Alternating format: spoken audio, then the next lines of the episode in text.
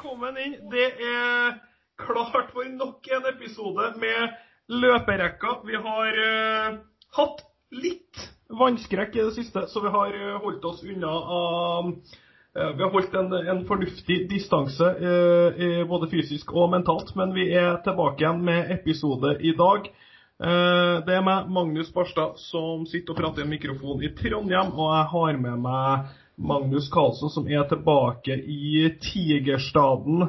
Eh, hvordan er trykket i ja, Det ser ut som du sitter i Windows 98 bortpå her, Magnus? Ja, ja det er, eh, det er, det er fint, det. Nå er det jo For å ta det litt sånn litt på, på, et litt basic nivå, da, så er jo da en kaldere værtype byttet ut med en litt, uh, litt varmere, som har gjort at uh, det har blitt uh, litt gråere ute, da. Så akkurat den biten er litt, litt, trist, men ellers så tenker man jo her at det lakker og lir mot, mot vår, og det er jo det er jo på mange måter veldig positivt. Jeg fikk jo den i, i går, senest når jeg gikk ut fra et møte, så var det en som Det var sol, og det bar asfalt, og liksom ting har smelta veldig, og, og, og, og, det liksom var at med vannet nede på solsiden, og, fikk den av en Fy faen, nå begynner det å bli vår, sa han. Eh, synd for han at han sa det til meg, for det endte opp med at jeg kjefta på vedkommende. Eh, en mann i, i, i ja, senere 50, starten av 60-årene, som prøvde å være litt positiv uh, og si at uh, nå er det snart vår. Det endte opp med at jeg egentlig bare leksa opp en med følgende Du tror det, ja? Du tror det, ja? At det, at det begynner å gå mot vår i, i februar i Trondheim. Det snør hvert år i juni. Hvert eneste år snør det i juni. Så ikke kom her og skal gi meg noe optimisme den 24.-25. februar om at det begynner å bli vår i Trondheim. Hvordan det er i Oslo, det skal ikke jeg snakke for, men her altså, Det var så mye snø her i mai i fjor. Det var mer snø i mai enn hva det var i februar. Jeg orker ikke å høre noe snakk om at det er vår nå. Jeg klarer ikke det mentalt. Nei. Uh, jeg tenker nok snakk om, om, om været, uh, egentlig. Men når, når, det er sagt, da, så er vi jo ikke her i Oslo helt, helt uh, ukjent for fenomenet at våren kommer og så blir erstattet av vinteren. Men det er uh, del av moroa med å, med å bo såpass, uh, såpass langt nord i verdensrommet. Ja, det er sant. Verdensrommet. Det er fint. Vi har eh, en eh, Jeg tar og går gjennom menyen til folk. Vi starter litt med Champions League. og Vi er ferdig med round of 16, som det kalles for den første, første runden der. Vi er klar for returoppgjørene. Vi skal gå gjennom hvert oppgjør, se litt på hvordan det ligger an før den siste kampen der. Så i andre halvdel så dunker vi over på utenomsportslig. Uh, der skal vi ha en draft. Vi skal være litt innom det som vi akkurat var innom, der jeg kjente at det brusa litt i kroppen. Vi skal eh, ha et eh, segment som Magnus ville ha med, som heter eh, 'Når det klikka for meg'. Så begge to skal få komme Kanskje rett og slett bruke det som en ventil. da, eh, Fortelle om en episode der vi rett og slett kjente at nå ble det mye til oss. Eh, så blir det selvfølgelig en eh, fantastisk eh, quiz på slutten. Og by popular demand, tro det eller ei, folk har Og da mener jeg med folk, så mener ikke jeg meg og deg. Folk har vært på og sa at sist quiz, aldersquizen, var noe de likte. De satt sjøl, uten hjelpemidler, og prøvde å utkonkurrere da verdenseneren i sjakk geoquiz og foreløpig aldersquiz Magnus Carlsen, som hadde en imponerende innsats på sist aldersquiz, så vi kjører en til i dag, tenker jeg. Sound good? Uh, abs absolutt. uh, og det beste er når vi kommer til den draften vi skal ha. Da har jeg egentlig fortalt Magnus om hvilken draft det skal være. Uh, den har jeg nå bytta ut. Magnus aner ikke hva som kommer på draften, så det, det, det gleder jeg meg til. Men vi starter i, i Champions League. Vi har uh, spilt gjennom alle kampene uh, i første runde. Og uh, resultatene de ble som følger. Det var Paris som um, ja, høvla over Barca i, i Barcelona. Det, var, det har vært mange kamper rundt om i Europa på nøytral grunn. Det var Liverpool som eh, slo Leipzig i sin hjemmekamp, da, som var i Budapest, 0-2. Eh, Porto fikk en 2-1 mot Juve. Eh, Dortmund de vant 3-2 borte mot Sevilla. Chelsea slo Atletico 0-1, eh, ja, hjemmekampen til Atletico, som var i Bucuresti. Bayern var i Roma og gruste Lazio 1-4. Og i, i, går da, så hadde vi Atalanta som tapte hjemme for uh, Real Madrid. Og Mönchengladbach, som også var i Budapest, på Puskas Arena, og fikk uh, så hatten passa av Man City. Eh, det som er litt artig her, det er at jeg har gått gjennom eh, For å gi liksom et bilde på hvem som, hvordan det ligger an for neste runde, så har jeg gått gjennom eh, kampene og sett på oddsen til neste runde. Altså hvem, hvem er nå favoritter til å ta seg videre. Og dette har jeg aldri sett før. Uh, det jeg kom opp med når jeg gikk gjennom det den gangen her. Ja, vi kan vel si så mye som at det er én match som er dønn åpen, og bookmakerne har vel ikke mer enn 1,20, tenker jeg, på noen av de andre. Det er veldig nære korrekt. Det er så ille at den ene kampen finnes ikke odds på engang. Nei, Bayern Nei, det, nei. det, det får du ikke. Nei, du får ikke odds på at Bayern går videre, for den er vel sikkert 1-0-0-0-0-0-1 hjemme mot Lazio med en 4-1-ledelse i sekken. Du er ganske bra på ball. Liverpool er 1-0-3 til å ta seg videre. Leipzig er 12 i det oppgjøret. Dortmund 1-14, Sevilla 5-75. PSG og City er begge 1,01 mot Barca og München-Gladbach til henholdsvis 18 og 28 odds. Hvorfor det er så stor forskjell der, det vet ikke jeg. Eh, Real Madrid de er faktisk litt over 1,20, de er 1,22. Og Chelsea er 1,28. Eh, størst eh, Største usikkerhetsmomentet er da i Juventus med 1,62 mot Porto 2,30. Men altså alle hjemmelagene i den neste runden nå er gigantiske favoritter til å ta seg videre. Det har jeg aldri sett før. Nei, det er jo, det er jo veldig spesielt, da. Uh, man ser jo da For de som ikke vet, da, for å ta dette på et veldig, veldig lavt nivå, så de som vinner gruppen sin, de får altså bortekamp først i, uh, i åttendelsfinalen. Så hvis du ser mye da uh, Hvis du ser Oi, de føles som de alltid, alltid Det føles som de gode lagene alltid får, eller beste lagene alltid får hjemmekamp sist, så er det en, ja, det er en grunn, grunn til uh, Grunn til det. Um, men det er klart at at de sju av åtte lag skal vinne borte, det har jo, det har jo, noe, det har jo noe, å si med de, de forholdene som, som, er nå også. Det er jo ingen tvil om det. Nei. Øh, og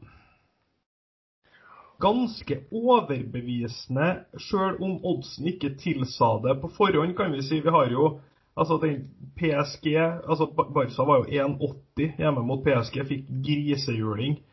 Eh, så det har vært eh, det har ikke bare, det har langt fra vært oddsfavoritter som har innfridd da, i de B-ene opp gjennom hele, hele rekka her. Ganske langt ifra oss. Det er ja, Hvis du hadde hvis du hadde spilt på sju ganger B og én ganger H, så har du satt en hundrings på det, så har du hatt fryktelig mye penger akkurat nå. Eh, veldig mange av dem var underdogs og vel fortjent i i de kampene der. Så det gir oss et veldig spesielt eh, eh bilde for, for, hjemmekampene. Er det noen av de her tunge favorittene, la oss ta Juve bort av uh, ligninga, er det noen av de her tunge favorittene du tenker sånn Her kan jeg se at det kan glippe? Ja, kan jeg bare få si én ting først? Si er at uh, du har jo et fenomen som uh, Jeg vil ikke si at dette er et sjelden fenomen i det hele tatt, for dette er ganske mange. men du har uh, Du har veldig mange som liker å ha ganske sterke meninger om ting som de enten ikke vet så mye om, eller så har du også sportsendelser hvor folk starter da gjerne en tweet med 'så ikke kampen', men Eh, Der er Så- du på jobb. så der Der er jeg litt nå uh, at uh, Det er jo Jeg bruker såpass mye tid på på, på fantasy, ikke sant? Så det er ikke så på, på å se de kampene som finnes der. Eh, og ser ofte Real Madrid-kamper i eh, helgene også. Så det blir ikke alltid så lett for meg å trumfe gjennom og få sett eh, Champions League i ukedagene. Så er ikke alle disse kampene jeg har sett. Så alle meningene jeg har her, de må dere egentlig ta med en ganske hard klype salt. Når det, når, når det skal sies, da, så er jeg jo enig um, Enig i uh, at eh, ja, Juve er en, kanskje en viss favoritt til å gå videre, men jeg stoler ikke, stoler ikke på dem ett sekund. eh, og jeg er nok enig i at Real Madrid mot Atalanta er den mest åpne av de andre, selv om Mm. jeg vil også si at eh, eh, Dortmund mot Sevilla, det er langt fra, fra, fra avgjort. Men det sier jo seg selv at um, eh, Og altså, er du gæren? Chelsea mot Atleti kan helt fint eh, um, kan, kan helt, helt fint snu, snu også. Eh, jeg pleier jo også å si at når du taper 1-0 hjemme Det greie med det er at du kommer ikke til å ryke ut på bortemål. jo, men det, det høres jo veldig banalt ut, men det betyr at du må score borte, og scorer du to mål borte, så har du en, veldig, veldig god sjanse til å, til å gå videre. Så det er sånn Jeg tror ikke 0-1 hjemme, det er ikke noe i nærheten av panic mode. Selv om du da skulle havne eh, under borte, så er du egentlig i samme, samme situasjonen som, som du var før. Du trenger å skåre to mål. Det er, eh, det er vanskelig, men det er ikke, det er ikke, noe, det er ikke noe krise i, i det hele tatt. Så jeg vil si at eh, nei, tre av, tre av oppgjørene her selvfølgelig en stor ulempe for, for, eh, for Sevilla at de har sluppet inn, sluppet inn tre hjemme, men eh, sånn som Dortmund spiller om dagen, med egentlig ganske lenge mellom hver overbevisende prestasjon de har, så tror jeg det, det også er, er veldig åpent. Nei, for altså, den kampen der, den sto jo klassisk i stil til eh, Det der er jo en type best case scenario-kamp for Dortmund, der de for altså mål, Slippe inn mål, det gjør de. Eh, og slippe til sjanser, det gjør de. Hvis de ikke slipper inn mål, så er det for at folk bommer. Sånn som det laget spiller nå, så slipper de til utrolig mye sjanser. Det kommer de til å gjøre eh, hjemme, og i hvert fall hjemme nå når de ikke har den enorme Altså, Dortmund er jo de, en av de lagene i verden som kanskje har den råeste hjemmebanefordelen. Ja. Eh, faktisk på ordentlig. Der er det ingenting å hente nå. Det har de jo merka ganske mye til. Det er en uavklart trenersituasjon med Ikke uavklart, da. Marco Rosa kommer ikke til sommeren, men du har da assistenten fortsatt som leder laget. Så den 2-3-en der en, et mål er på mange måter et maksresultat for Dortmund. De kommer til å slippe til sjanser mot Sevilla. De kommer til å skape sjanser, men altså Ingenting i hele verden sjokkerer meg om det er Sevilla som går opp eh, 0-1 tidlig eh, borte mot Dortmund i den neste kampen, og så er det panic mode og all to play for på begge ender. Eh, jeg, altså, jeg, tror, jeg tror ikke alle favorittene tar det her. Det kan jeg starte å si med en gang. Og Da kan jeg ta bort Juve fra den sammenligninga, men altså alle de kjempetunge favorittene på 1,28 og nedover, jeg tror ikke alle de tar det. En av dem kommer til å ryke minst. Jeg syns Sevilla kan, altså Sevilla kan godt finne på å ta det mot, uh, mot Dortmund. Jeg syns 1,14 der har jeg aldri i verden satt noe som helst form for penger på. Uh, 4-35 på Atalanta borte mot Real. Altså, den kampen i går ble jo bare ødelagt. Vent, jeg skal ikke si noe mer. Jeg skal... Hva syns du om det røde kortet? Eh, ja, jeg syns røde kortet, sånn som, sånn som reglene er, så er det, er det, er det riktig. Uh, jeg synes mest at uh, fotballen har uh, Man har et lite problem her, rett og slett fordi sånn jeg ser det, så ting dommeravgjørelser det, det, Altså, de kan følge regelboken eller ikke. Problemet er når det på en måte strider mot allmenn rettferdighetsfølelse. Takk. Ja. Så, så, det jeg tenker er at hvis dette her, ifølge regelboka, er et rødt kort, noe sånn jeg ser det, så er det det. Altså med mindre han Med mindre Mendy får den touchen veldig langt ut til venstre, så har han en klar skåringssjanse. Og om, om, du da snakker en XG på 0,15-0,3 Ja, men det, er det, er så, det er en klar, det er en klar skåringssjanse han har. Eh, men rødt kort Ja, det er så strengt! Det er veldig, veldig strengt. Så her eh, For å da trekke inn en tidligere mye, mye omtalt person her på podden, Johannes Quisle, hadde en liten diskusjon med ham om det her. Han, han, mente jo da veldig klart at det burde finnes en tredje mulighet, på en måte. Det burde finnes en tredje mulighet i fotball som tar situasjoner som ikke er rødt. Ja, rødt er så jævlig permanent. Eller, eller gult. Hva med da for eksempel Hans forslag var ganske enkelt at for en sånn situasjon så vises den spilleren ut. Men du kan sette på en, du kan sette på en ny. Så du, du Poenget er at du får bare én sånn i løpet av kampen. Jeg hater ikke det. Du, du, som en spiller, du får bare én ordentlig stygg prof professional foul per kamp. Uh, så, så, vet du i hvert fall selv at gjør jeg det der, så er jeg ute. Ja. Uh, jeg virkelig faktisk hater ikke det, fordi at okay, nå, nå, det, nå, blir det her en liten ting om dømming, kjenner jeg. Men det, det får det være. Det, det, er sikkert vel så interessant som, eh, som, som Champions League-prat, for så vidt. Eh, ikke at Champions League-prat er kjedelig, men eh, Altså, det røde kortet her Kanskje ja. Men det første jeg tenker er Ok, Det første jeg tenker, er, er, er fanen i meg. Jeg har gleda meg til en kamp som i utgangspunktet skal bli ganske artig. Atalanta på hjemmebane mot et skadeprega Real Madrid-lag. Det bør bli litt heisa og litt mål og sjanser frem og tilbake. Og Atalanta som blottlegger seg litt. Og kampen var ganske artig frem til røde, røde kortet, og den begynte å sette seg litt. Absolutt, absolutt. Ja, og det, altså, Bare den, den skuffelsen i underholdninga som blir fratatt meg, gjør at det er vanskelig å emosjonelt drive seg litt bort ifra de faktiske avgjørelsene. Eh, så prøver man jo å holde seg objektiv, og så er jeg litt sånn er det greit med rødt kort? Ja, kanskje. Syns jeg er rart at VAR ikke ser på det når VAR ser på alt? Ja, men syns jeg også det er jævlig greit at VAR faktisk ikke ser på det, for jeg hater når VAR ser på ting som er i gråsonen. Det gjør jeg også når jeg rekker å, å, å summere meg litt. Og så ikke Men der er jeg bikker litt av, da. Det OK, målsjansen er For det er litt sånn Er han på åpent mål? Nei. Og så er det sånn Er, er den fratatt en målsjanse? Ja. Fratatt en stor skåringssjanse? Nja. Der er jeg mer på nja. Ja, for, for, der er det nja. Der, ja. Du vet ikke helt ennå hvor store sjansen kommer til å bli, men det du kan på en måte lese ut fra situasjonen, er Det er en sjanse. Det, er en sjanse. Ja.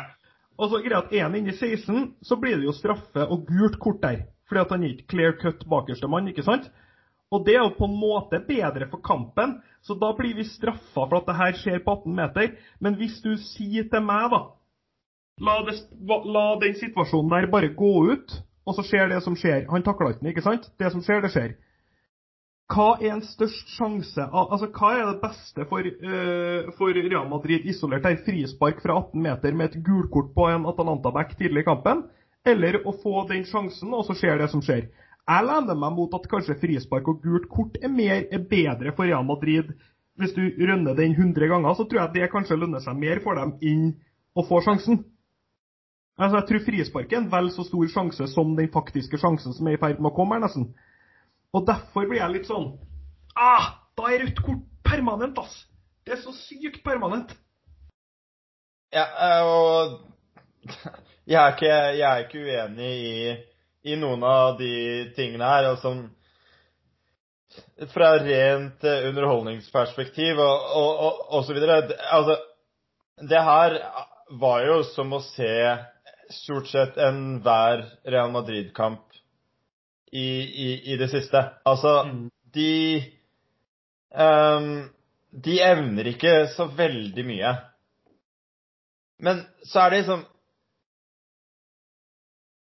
relativt solide bakover. Men jeg, jeg, skjønte jo med en gang, altså da Atalanta fikk en mann utvist her, at hvis de legger seg bakpå, så kommer denne kampen til å bli møkk kjedelig. Og det er ikke sånn at Madrid bare kommer til å spille dem totalt ut, for det, det, det evner ikke, rett og slett. Atalanta var jo kjempegod med en mann mindre, for så vidt, i en så stor del av kampen. Um, spilte jo ganske bra kule veldig lenge, syns jeg.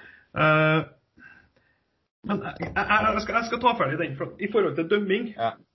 og fotball nå Altså, jeg elsker fotball. Jeg har sett så mye fotball i mitt liv. Og om det er en klaging på bare, Ja, vi må skille mellom var, verktøyet, var og måten Ikke hver han Vice-assen som kommer med den 'du liker ikke var', du liker måten det blir brukt på. Det er det du sliter med. Altså Hvis du sliter med å skjønne poenget når noen sier var, så er det ditt problem. Jeg har ikke noe problem, problem med den faktiske teknologien. Nei, det har jeg ikke. Uh, men Problemet mitt er sånn overall, da. Etter ett, ett og et halvt år med det her nå. Det tar fra meg så sykt mye av gleden. Og det jeg, jeg føler at jeg sitter og ser fotballkamp. Og så hvis jeg nå ser tilbake på de siste fem kampene jeg har sett på, så sitter jeg og ser på, og så venter jeg til en fast situasjon, en dommeravgjørelse, et rødt kort, en straffe, en VAR-review, en VAR-review, en VAR-review, en VAR-review, en borderline-sak, en, en armhul-offside eller en sko i offside som gikk den gangen den veien og den andre veien den veien, eller fem rad som ble avgjort av hands, og nå plutselig ingenting hands. Altså, det føles ut som alt avgjøres på det her. Det føles ut som det er ikke fotballkampen som avgjør kampen. Du sitter og ser 90 minutter, og så er det tre-fire sånne eh, faste situasjoner med, med varstopp og dommerting, og så avgjør det kampen, og så er vi ferdig. Altså, Åtte av ti kamper føles ut som er sånn her, og det er så forbanna kjedelig. Det er så kjedelig å sitte og vente i tre minutter og så er det sånn Ja, det, ja, det var en Hermoso som, uh, som polte den ballen i lufta til en Giroud. Ja, det så jo alle sammen med en gang. Ja, nei, men La oss sitte og se på det i tre minutter, da! Er det første runden med VAR noensinne? Nei, vi har holdt på med det her i to år, bruker vi fortsatt sånn. Ja! Ja, nei, men da sitter vi og Å, artig! Det ble mål! Altså, det er så kjedelig! Det er så kjedelig å sitte og se på! Det er så kjedelig å sitte og ikke Altså, jeg har lyst til at fotballspillerne skal avgjøre kampen! Perfekt eller ikke, reglene i fotball suger jo. Vi kan ikke prøve å perfeksjonere reglene i fotball, for et gulkort er en altfor tung straff. Et rødkort er en altfor tung straff i forhold til 90 minutter med folk som toucher hverandre og prøver å gjøre ting. Altså, Vi kan ikke bli firkanta om det. Det må nødt til å være, altså, Hvis fotball skal funke, så må det være en dommer som går ut. Han har sin egen oppfatning av regelboka, og han skal prøve å dømme den jævla fotballkampen som en symfoni det skal gli. Og så kan vi være sånn Nei, nå fulgte ikke regelboka. Ja, men han, han er opptatt av at det skal spilles ball. Han er ikke opptatt av at vi skal, vi skal, treffe på hver eneste ting. Fordi det går ikke, for at reglene i fotball suger. Og det vet vi. Faen, altså. altså jeg, jeg, jeg, jeg, er enig. Jeg, bare mener at når eh, Når det skjer sånn som det som skjer, da, med at eh, ballen Jeg satt jo den, den, kampen så jeg faktisk, og jeg, jeg, så jo med en gang at nei, den ballen der må være fra Hermoso. Altså alt eh, All logikk tilsier med ballbane og, og, så videre. Og da at det finnes et verktøy som går inn og sier til dommeren at her, eh, her, her må du må du, dette må du endre, for dette er et mål som skulle vært, eh, skulle, skulle vært gitt, som ikke har vært gitt. Ja, det er ikke borderline engang. Det er klokkeklart. Det er, klokkeklart, så er vi ferdig. Eh, og Nei, men da er det sånne ting du må Du må ta, da. Eh, problemet her er at jeg mistenker jo at VAR sitter jo da ikke bare og ser på den situasjonen, men de sitter jo og ser med lupe etter kan det, kan det ha vært en liten berøring med armen fra Mount? Kan det kanskje ha vært en dytt inne der? Et eller annet som gjør at vi kan ta ta fra det. Det er jo sånn det virker, og det er jo det som blir, eh, blir helt, helt, helt absurd. Ja, det blir, det blir, helt absurd, og så blir det altoppslukende. Det, det ender opp med at det er det der som avgjør fotballkampene. Ja. Det er så kjedelig. Altså, Jeg har begynt å bli, jeg har et filter i hodet nå der hvis det er et skudd fra 30 meter, da kommer jeg til å juble. fordi at jeg vet at det mest sannsynlig ikke blir tatt på noe. Men er det et innlegg, en corner, et eller annet som foregår i feltet, så er det bare å liksom kjøre seg tilbake i godstolen og være sånn Ja, vi får se. Vi får se. Uh, Syns det er fryktelig, fryktelig, fryktelig synd. Men vi kan, eh, ja, vi kan eh, være ferdig med det. Uh, i, nei, som sagt, i oppgjørene, eh, Real Madrid og Talanta, der tror jeg også alt kan skje. På veldig mange måter. Ja. Eh, altså, der har du jo en reell Altså 1-2 i den kampen. No, kamp nummer to er jo en veldig realistisk mulighet, sånn som jeg ser det. 2-3, 2-4, altså alt Atalanta, sånn som de spiller, sånn som de spiller hvis de eh, virkelig har dagen og, og skadesituasjonen real, der kan det skje mye, altså. Ja. Uh, veldig kjedelig å bli frarøva i fotballkampen, men sånn er det. Uh, og så en fotballkamp som bare var kjedelig. Chelsea mot Atletico Madrid, det er jo kanskje den siste av de her sånn eh, Jeg kan bare si det kort først. Jeg tror Leipzig kan finne på å slå ut Liverpool til 12 odds. Det går an. 1-0-3 på Liverpool kan ikke røre i den formen de er i. Du kan ikke røre det. For Liverpool var ikke veldig mye bedre enn Leipzig i den kampen, og Liverpool har vært ræva i det siste. At Leipzig kan vinne den kampen eh, kan vinne kampen 2-0 på Anfield og ta det i ekstraomganger eller på straffa, har jeg null problem med å se. 1-0-3 helt fullstendig uspillbart, sånn som de er nå. Men eh, vi kan snakke litt om eh, Chelsea-Atletico, for jeg syns den er litt mer eh, spennende, på tross av å ikke være spennende. Hva er det Altså, det her er jo, ikke, det her er jo et utgangspunkt Atletico ikke er så misfornøyd med, er inntrykket mitt. Nei, men, men Det er jo derfor jeg snakka om, om, om tidligere at ja, 0-1 er dårlig, men det er ikke noe katastrofe. Nei. Eh, og for, altså for, et, for et lag som, som, som slipper inn så lite som, som Atleti gjør, de, de kommer jo til å, til å dra til re returoppgjøret og føler at vi, altså, vi har alle muligheter til å, til å snike med oss 1-0 eller, eller en, en 2-0-seier. Altså, hvorfor, hvorfor, skulle ikke, hvorfor skulle ikke det skje? Så jeg, jeg liker egentlig litt å se da et lag der på slutten av, av første kampen Altså, man tømmer seg ikke for å få det utligningsmålet, for det har ikke så mye å si, egentlig. Nei, det har ikke det. Det bare å det bare, oh, de, er, de er tunge å se på. Ja, ja, men altså Jeg er Jeg har ikke vært fan av det laget der et øyeblikk under, under Simione. Jeg syns ikke Jeg ikke det er noe gøy å se på, men det er klart, de gjør det på, de gjør det på sin måte. Mm, absolutt. Um, ja, så vi kan Vet du hva? og, og det, det skal jo sies at eh, ja, det er Chelsea under Altså, Tuchel sine lag generelt er jo litt traurige, rett og slett. De er det. slett. De er det. Eh, ganske grått, faktisk.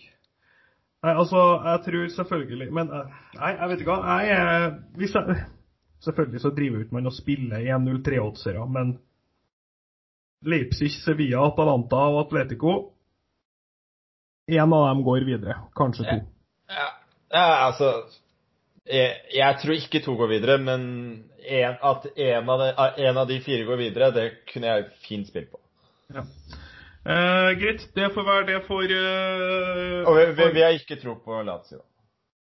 Nei, jeg har ikke knalltrua på Lazio. Altså, nok en kampen er jo jevn, men Bayern bare Bayern skårer når de er i, eh, når de er i angrep. Og så ferdig med det. Ja. de er så rå. Eh, Men det, med det så tar vi en, eh, en eh, ti sekunds pause, og så kanskje, kanskje den blir 20 for dere som hører på. Så går vi videre til neste del, som er litt mer usportslig. Yes, da er vi tilbake med med utenomsportslig delen av podkasten, andre halvdel. fortsatt Magnus Barstad og Magnus Carlsen som skal gjennom det. Vi har Vi har tre godbiter her. Vi skal ha en draft, vi skal ha en quiz, og så skal vi ha litt storytime med når vi kjenner at det klikker for oss. Um, vet du hva, vi starter med draften. Uh, og Magnus, uh, som jeg sa i, i, i part 1, Magnus har uh, blitt forberedt på hvordan type draft det skal være. Det blir ikke den draften. så her får vi en ufiltrert og og, og uforberedt Magnus. Vi skal komme med to Det blir nesten ikke en drev, da, men det får nå være sånn det Vi skal komme med to hver. Hva er de to Altså en topp fire her, der du starter, så meg. Nei, jeg starter, så du, så meg, så deg. Vi skal lage en topp fire med de verste årene.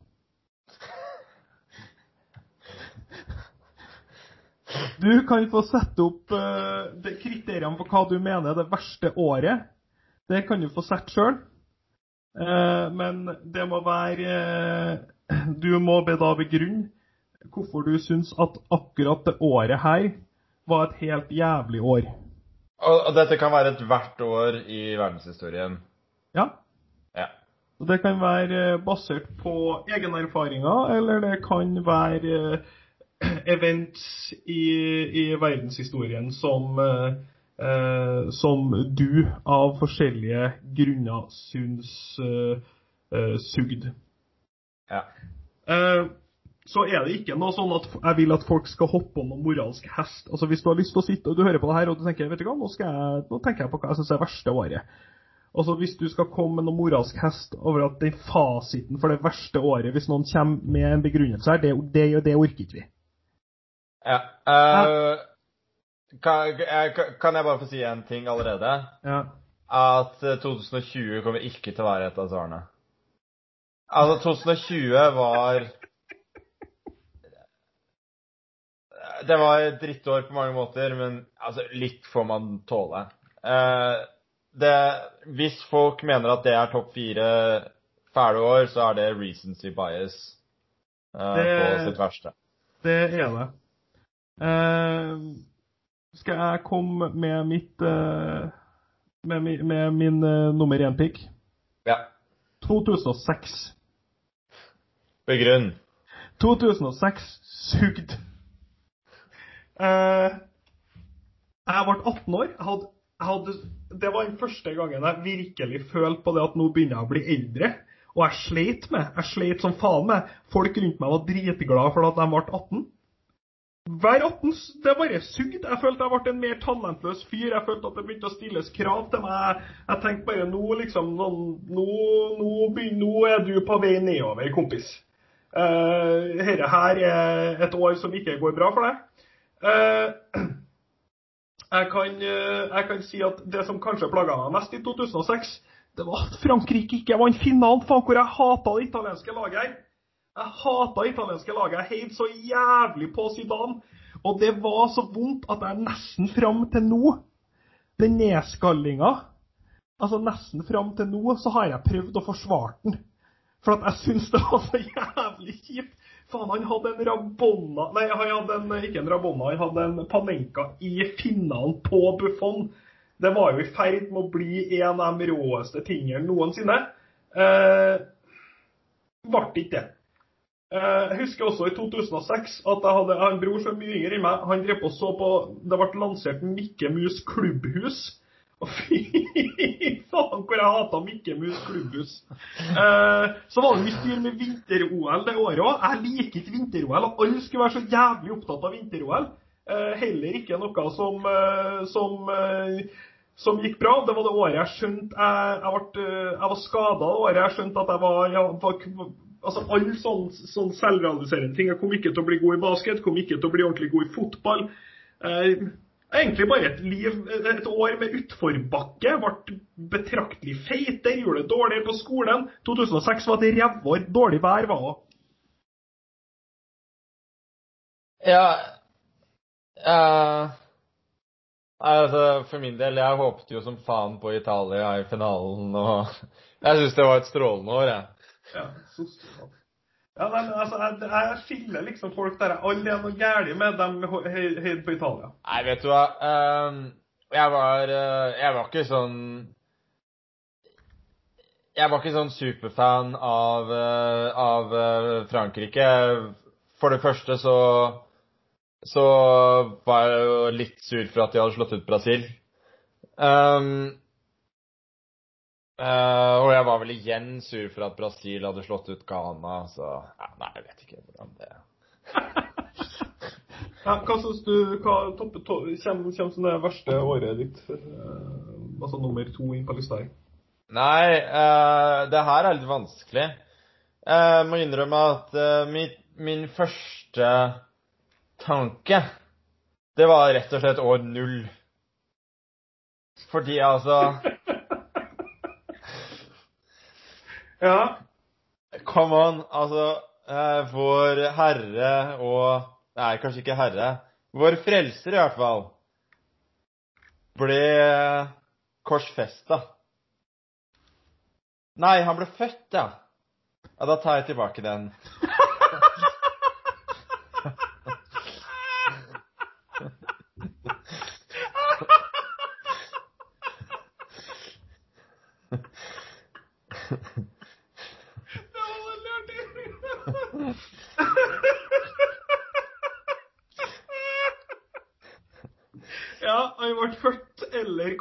korsfesta det året. Litt, litt usikkert. Nei, klart hvis uh, Hvis uh, han uh, Hvis jeg skal liksom være hard på det året Jesus ble født, så går det jo fra å være litt sånn spøk til hard religionskritikk, og det Ja, det, det took a sharp turn akkurat der, ja.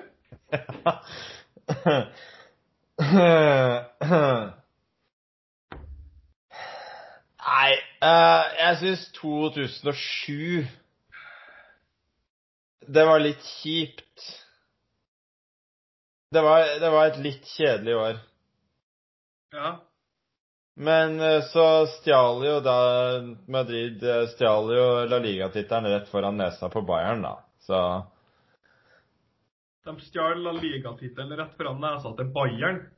til Barca, da. Greit. Kunne vært Bayern. Ok, Så vi er på et stuk der 2006 og 2007 er, er veldig dårlige år. Nei, altså, jeg bare, jeg bare husker liksom selv at eh, Nei, 2007 var et kjedelig år. Altså, skolen Skolen var eh, kjedelig, og sjakken gikk sånn i um, Men eh, nei, det, det, å, å plassere det som eh, som et så dårlig år i, år, i verdenshistorien, det det er, det er jo ikke så lett, da. Nei, nei, nei. re, re, Nei, men eh, jeg, jeg, jeg, kjenner at du har Du har noe Du har veldig sterke følelser tilknyttet akkurat 2006, og jeg syns at 2006 var et glimrende år, som sagt. Ja, men det, Eh, det, det er lov, det.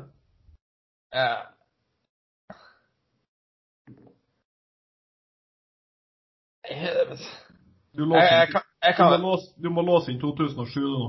Eh, for her, her kommer problemet med den her. 2006-2007. Ellers har livet mitt vært ganske greit, eh, må jeg si. Så da må jeg plutselig bevege meg utenfor livet mitt. Og da blir det jo litt sånn et VM i ting som var galt. Eh, så da må jeg rett og slett bare gå for eh, Jeg tror det var sykt kjedelig å være i live i 1347, når svartedauden kom. Den, det blir det nest verste året eh, for meg. Det tror jeg var sykt kjedelig. Jeg har alltid hatt sånn skikkelig nellene for svartedøden. Jeg hata når vi hadde undervisning under på skolen. Så det virka så insanely heslig. Eh, bare Nei, det for meg, det må være Det må være Det slår nesten 2006. Nei, jeg, jeg er helt uenig. Og skal jeg forklare deg hvorfor? Jeg kan ikke vente. Ja. Ja, altså Det som skjedde med svartedauden, var jo at det var jo Det var jo Folk flyttet jo fra, fra steder. Altså det var hele, hele gårder som ble slettet hvor, hvor alle røk med, ikke sant? ja. Og det ble jo da Disse gårdene ble jo da kjent som øde gårder. Og hadde det ikke vært for svartedauden, så hadde vi ikke hatt Martin Ødegaard. Så derfor kan jeg ikke støtte deg på den i det hele tatt. Og dette er jo tross alt en sport, sportspodkast, så det vil jeg si å kritisere Svartedaugen blir å hate på en av våre største fotballspillere. Og det er ikke lov, faktisk. Nei, det er ikke, ikke lov i det, i det hele tatt.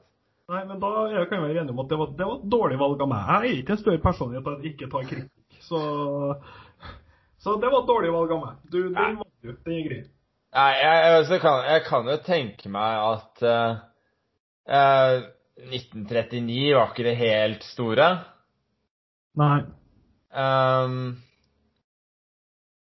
så, så, mistenker jeg at uh,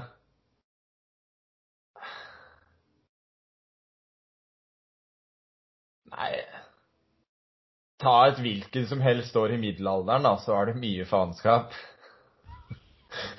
og, og, der har dere lista, folkens. 2006, 2007, 19, uh, 1930 Nei, 1347 og et hvilket som helst år i middelalderen. Uh, bra, uh, bra jobba. Men vi, vi, gjør som vi sier, løperekka. Nei, det her må nesten bli en en lesekonkurranse, altså. For dette her syns jeg var Dette her syns jeg var veldig vanskelig. Jeg, selv har jeg hatt Altså, ja, OK, 2017 Det var et dårlig år for min del. Ja. Men At du var svak i 2017? Ja, jeg var, ja det, var, det, var, generelt et dårlig år for meg på de fleste områder. Men så husker jeg liksom den ene gangen da hvor Aguero skårte hat trick, og jeg fikk over 100 poeng på, på Fantasy. Uh, så det er liksom um, ja, vi, Det går opp og ned. Jeg vet at folk har ikke bilde på på Folk får ikke sett oss siden det er en podkast, men hvis noen lurte, så sitter jeg og griner nå. For uh, 2017 var en av verste årene i livet til Magnus. Ja, det var også det året da jeg og du var på Vi var på en to ukers tur i Texas. Og jeg trodde det var 2018, da, din kuk.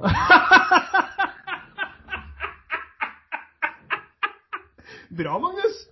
Nei, men det må også sies at 2018 og 2019, det var gode år, altså. Ja, det var veldig bra år. Veldig, veldig, veldig bra år. Det hadde jeg forventa skulle bli drittår, eh, men det var veldig, veldig bra år. Så det er klart at 2020 den måtte, Det måtte komme. Men jeg, har, jeg, tror faktisk at 2021 har klink potensial til å bli verre enn 2020. Ja, Uh, det, det, kan, det, kan, det, kan, godt være. Jeg, jeg føler jo at man, man har jo hatt forventninger til det året her. Altså, jeg er uansett en sånn som hver gang jeg, si, hver gang jeg så et eller annet sånn Could 2020 get any worse? Det er til å Nei, det irriterte meg. Fy ja. faen, så det irriterte meg. Så ikke skyld på året, da. Skyld på tingene som skjer.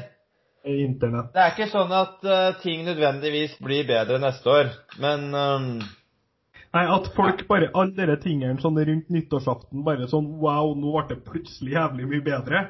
Slapp av. Uh, det er jo selvfølgelig ikke tilfellet. Men uh, Never too high, never too low. Nei, det er fake. Men uh, vi skal gå videre til en too low. Vi skal ta et lite segment der vi Jeg har, jeg har i det siste så har jeg drevet på med litt soul-searching. Uh, og jeg, jeg holder jo meg sjøl for å være en veldig avbalansert type. Uh, spesielt i, i, sånn kontakt med folk. Jeg, altså jeg kan være litt, litt ekstrovert og litt, litt, litt, flagrende, men i utgangspunktet så er han fåmælt fyr fra Humlevika. Og jeg Hva skal jeg si? jeg liker ikke nødvendigvis å komme i Klinsj med fremmede. Det er ikke jeg alltid så glad i, syns jeg er kjedelig. Uh, orker ikke nødvendigvis å begynne å liksom kjefte og krangle og være veldig sånn uh, Være veldig sånn in your face. Veldig konfronterende er vel ordet.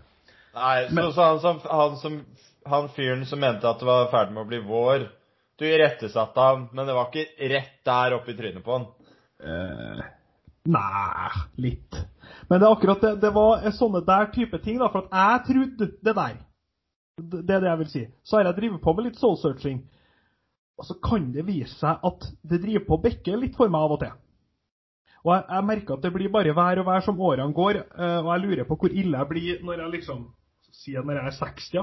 hvor jævlig kommer jeg til å drive og sette på plass folk når jeg er 60? liksom. Jeg, jeg gruer meg litt, slash gleder meg litt til den biten der. Men derfor så skal vi nå gå gjennom uh, Vi skal ta en episode hver der vi kjente Og jeg har ikke faktisk opp med svær liste, her, så dette er noe vi kan holde på med lenge. Men en episode der, du, der det klikka litt for deg. Der du kjenner litt sånn Faen, altså. Nå uh,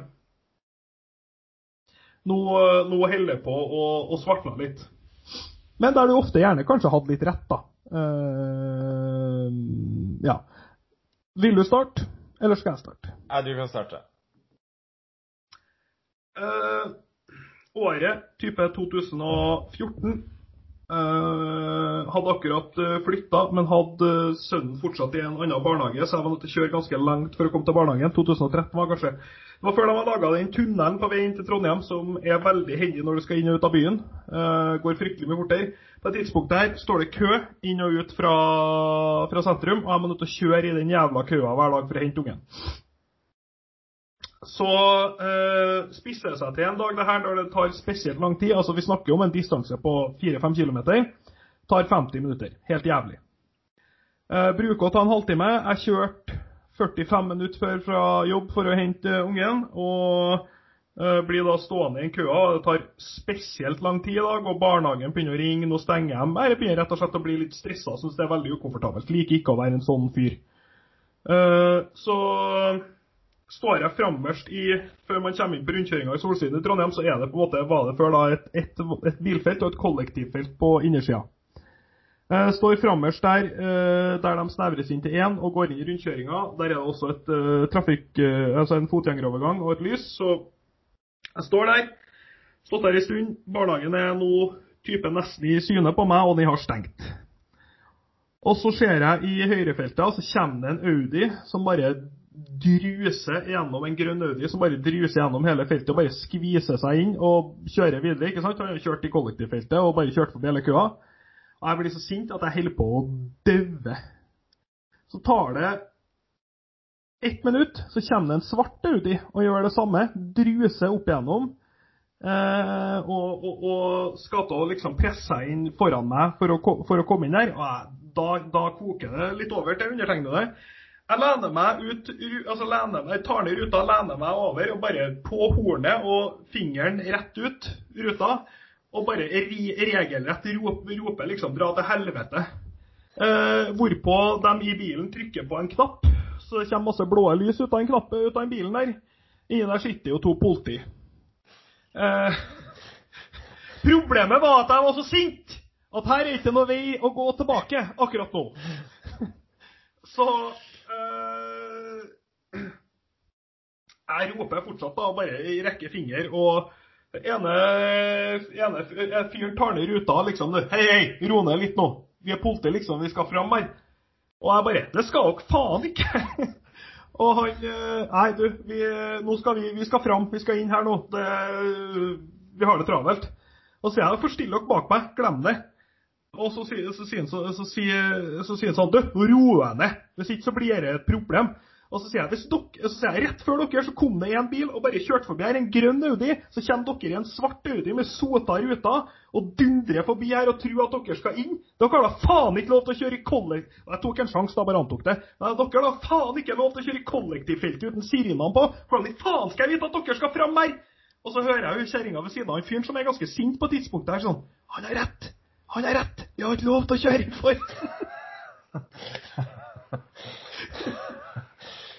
Ja, På et tidspunkt der så blir jeg grønt og jeg får lov å kjøre, men altså, det ender jo på at jeg fortsetter å kjøre med handa med fingeren ut. liksom. Jeg mista helt. Jeg mista helt. Det var ikke en pen look på meg. Hadde, det gikk bra, men det var ikke en pen look.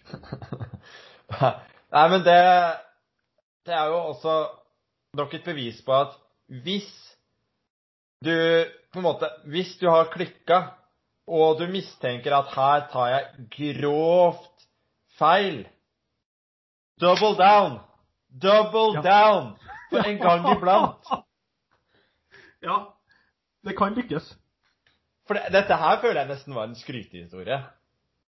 At du endte opp med at du irettesatte dem faktisk. Du vant.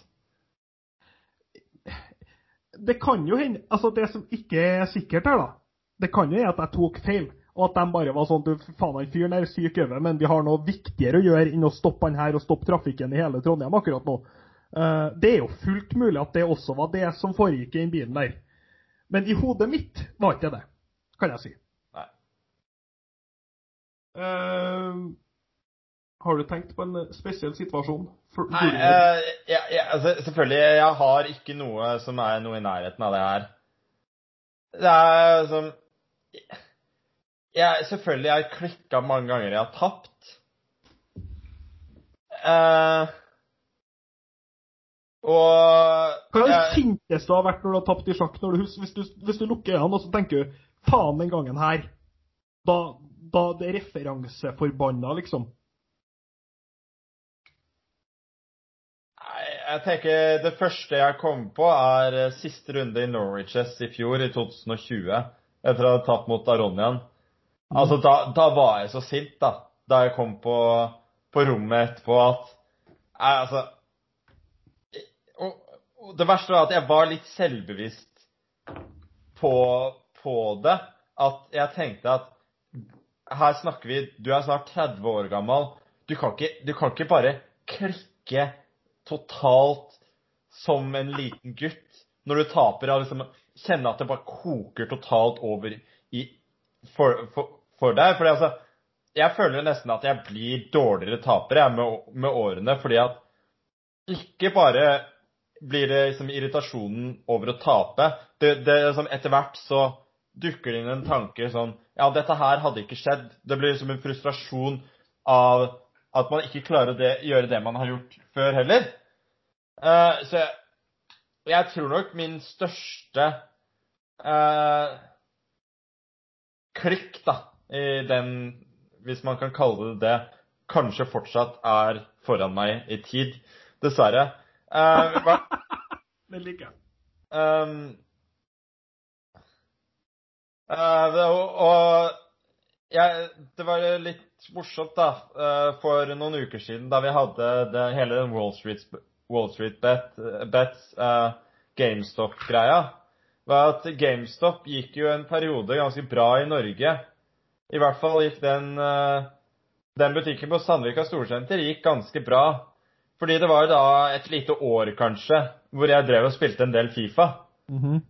Og altså, når man sitter og spiller en eller annen viktig online-match Viktig, ja. Eh, når, altså når du skal rykke opp fra divisjonen din, eller hva, hva, det handler om Og altså Når en eller annen løk stiller med Han spiller med Liverpool, og så skal han stille med Suso, og han skal stille med Sterling, han skal stille med John Flanagan.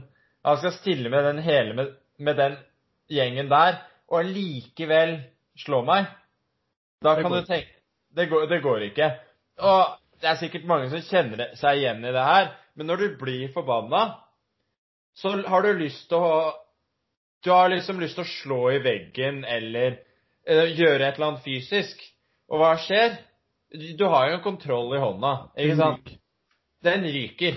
Så det var jo da det gikk mange kontroller. Eh, nå skal det sies at det var imponerende hva de kontrollene tålte. Ja. Eh, de var ofte brukende selv om de så helt herpa ut.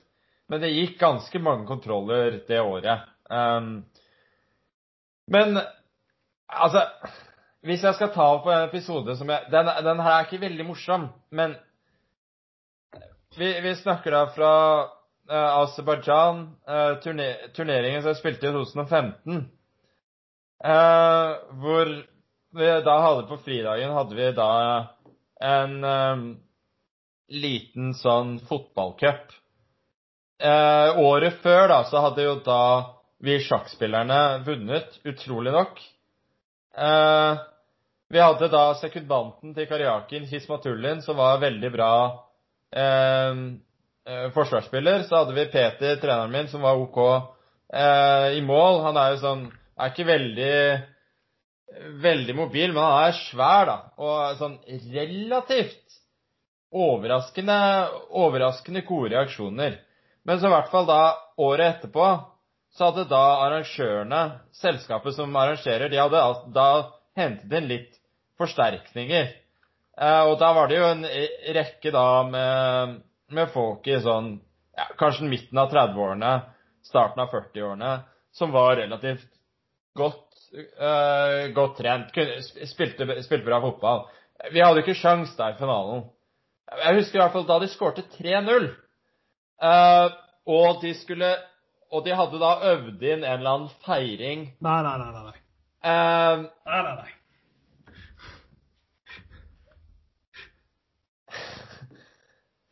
Ja, det går ikke. Uh, de har altså øvd inn en feiring. Jeg husker ikke hvem som hadde den feiringen, men den involverte i hvert fall sånn krabbing på uh, på bakken. Altså det var hele laget koordinert. Og da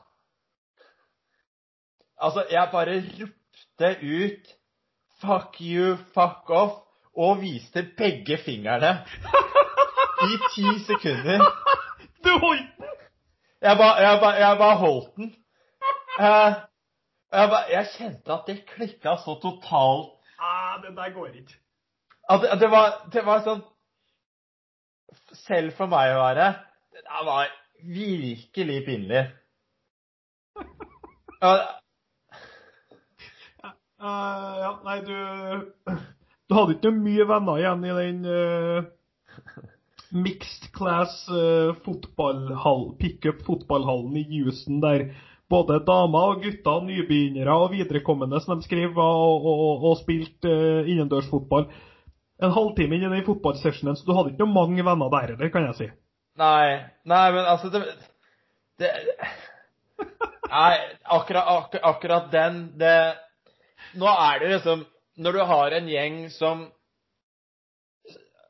Basert på at du faktisk prøver så forbanna hardt du klarer, da, og er dritsliten, og så se noen bare ikke bare ydmyke deg på banen, men kjøre den Selvfølgelig er det, er det, er det frustrerende, men uansett Nei, det var, det var, det var, det var pinlig.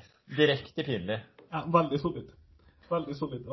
Hvor lang tid tok det etter fotballen før du tenkte Ikke før det ga seg, men før du tenkte Hm, det der var ikke en fin farge på meg. Nei, det, det gikk ganske fort. Jo, det, er det, det, er det, som er greia. Det gikk ganske fort.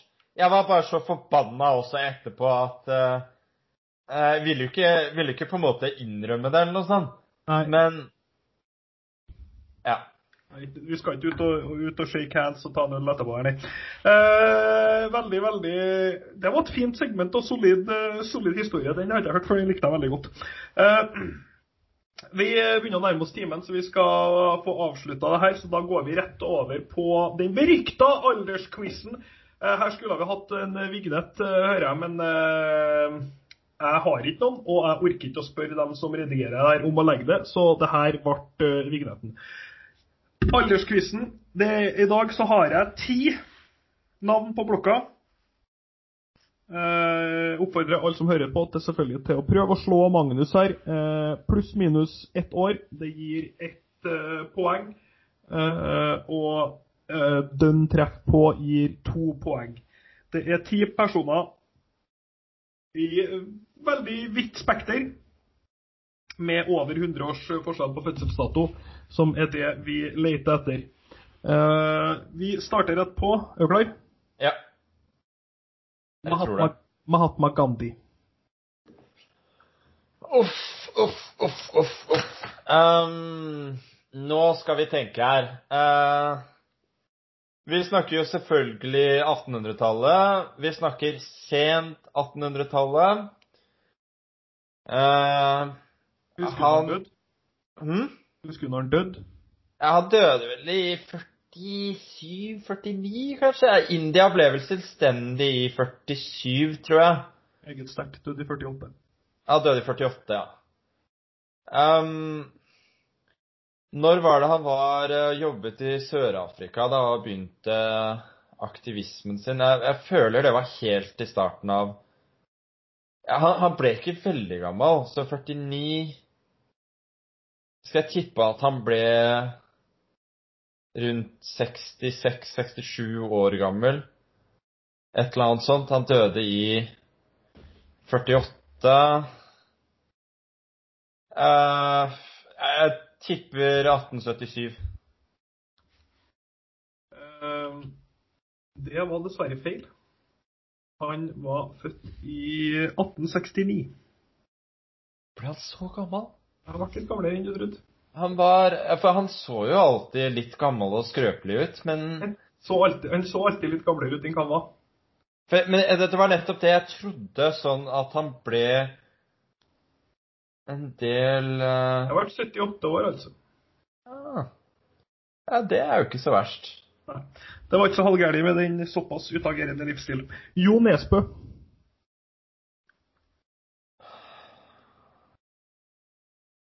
Han er jo Han er rundt 60. Det, det føler jeg meg ganske sikker på. Um,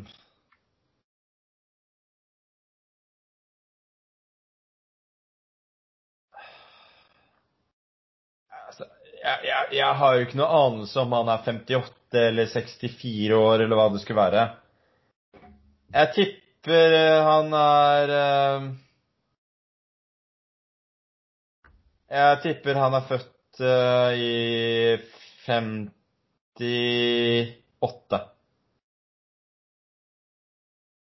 60.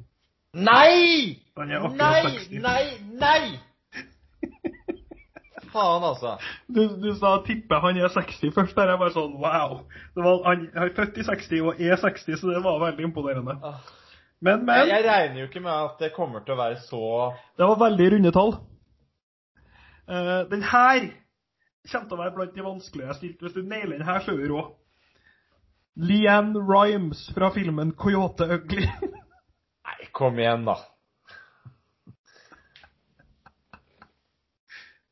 Uh, altså, den filmen er fra Når er den fra? 99? 2000? Jeg vet ikke. Ja, noe sånt, ja. Uh,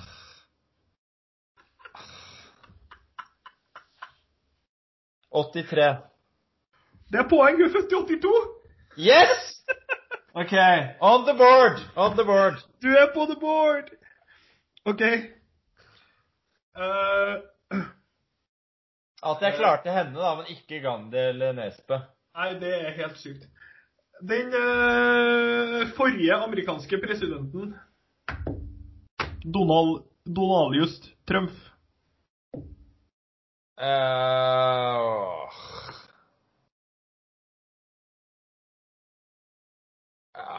eh, jeg tror det er 46 eller 47. Um, 47. 46. Nei! Altså, jeg snakker meg jo fra Ja. alt her. Neymar. 92. Det er helt rett. Uh, Will Smith. Will Smith, ja. Han har, han har blitt 50. Det føler jeg meg ganske sikker på. Ja. Uh, 69. Han er født i 1962. Nei! Jo. Nei. Et eller annet om noe som don't crack, men jeg skal ikke komme inn på det. Hæ? Ja.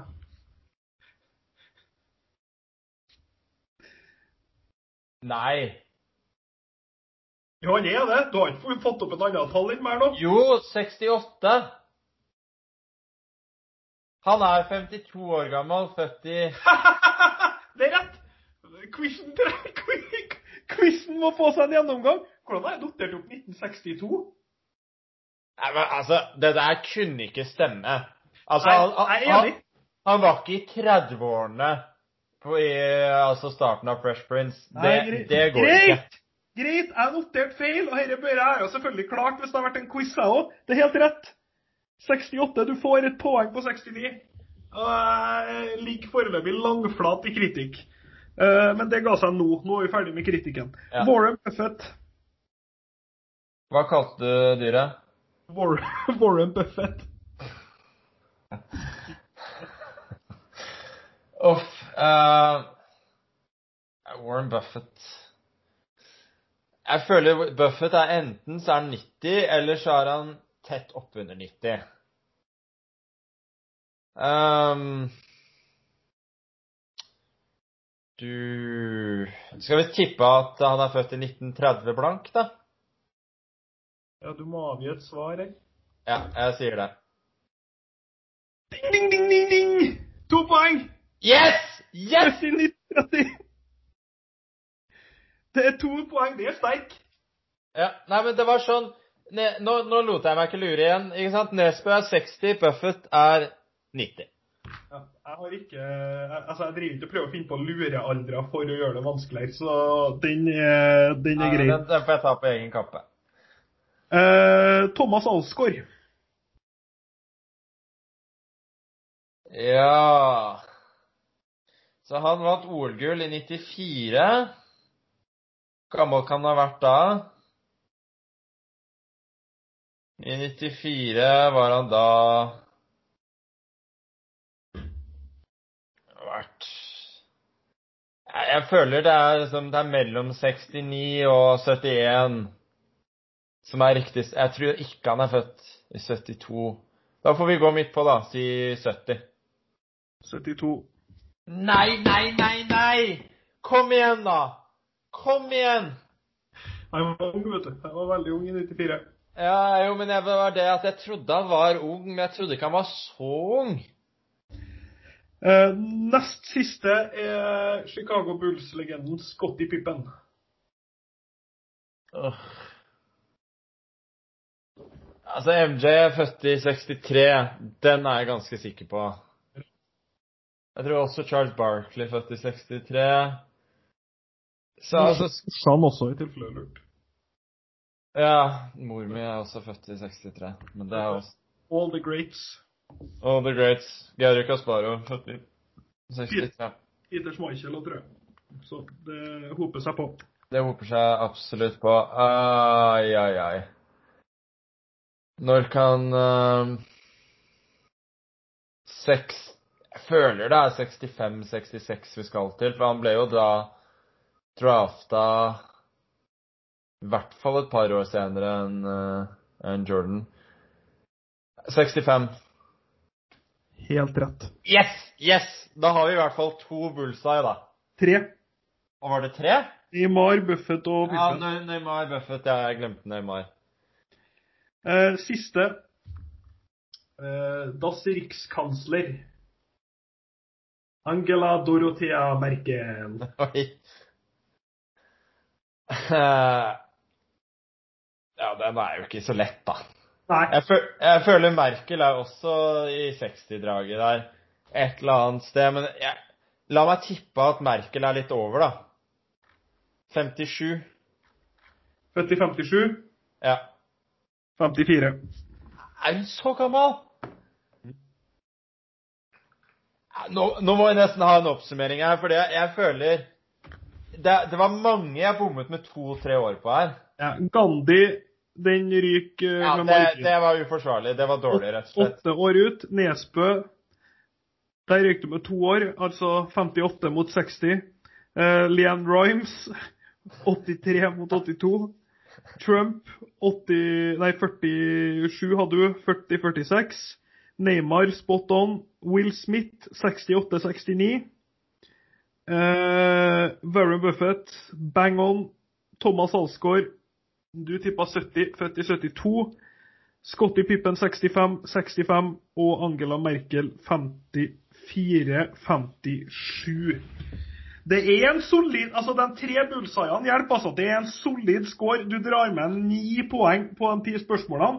Eh, gjerne få gjøre som sist. Send meg hva faen dere har meg på. Snaps, Twitter, Tweet Magnus. eh, send en en Instagram-melding med hvordan dere gjorde det. Ikke juks! Hvis dere jukser, så suger dere.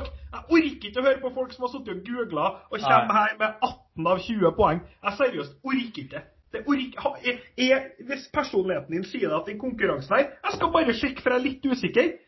Legg opp og gjør noe annet. Det er alt jeg har å si. Jeg, jeg, jeg er helt enig. Jeg må jo si at jeg er ikke veldig fornøyd med egen innsats her. Eh, det, var, eh, det var overtenkt, men Warren Buffett, den var bra. Eh, og Leanne Rhymes, at jeg bomma på ett år der, det er jeg også veldig fornøyd med. Ja, de er, er sterke. Eh, vi sier takk for eh, denne gang, som vanlig. veldig- Jo, jeg skulle bare komme med en quiz. Det her kan være Du, Du vil ha en quiz, du òg, ja? Men Ja, ja. vi takk for nå. Da tar vi den, faktisk. Nei, Ja, jeg skal ta bare ett spørsmål. ja kjør, da. Det her kan folk uh, skrive inn i, uh, i chatten, men eh, Nei, i chat. Chat. Vi har ikke noe chat. Skjønner, Dere skjønner at han Magnus han har nemlig vært på Twitch med han Ludvig. Ja, så han men jeg, jeg, er en chat som så, jeg, er så chatten inne, jeg er så tida. i den verden nå. Mm, mm. Jeg tenker at dette er en livestream, jeg. Ja, ja. Men uh, det er i hvert fall spørsmålet her Hvilken nåværende NBA-spiller hadde gjort det best i en spisekonkurranse? Er det en fasit? Ja, det er en fasit. Så da, da, da kan folk Jeg trenger mer informasjon. Er det en fasit du har, eller er det en fasit Det er en finnes? fasit jeg har. Skal jeg Så det kan folk få tenke over til neste gang. Da kommer svaret. Ja, jeg, da, greit, jeg tenker over det til neste gang, ja, så kommer jeg med mitt Jeg skal Jeg Ja, med mitt jeg, jeg, jeg kan fortelle deg etterpå. Ja, men da, da skal jeg komme med min giss, nå. Uh, ja. Kyle Lowry. Ok, da, da får vi se til neste gang om det er riktig svar. Supert. Vi snakkes. Ha det, folkens. Takk for nå. Ha det godt.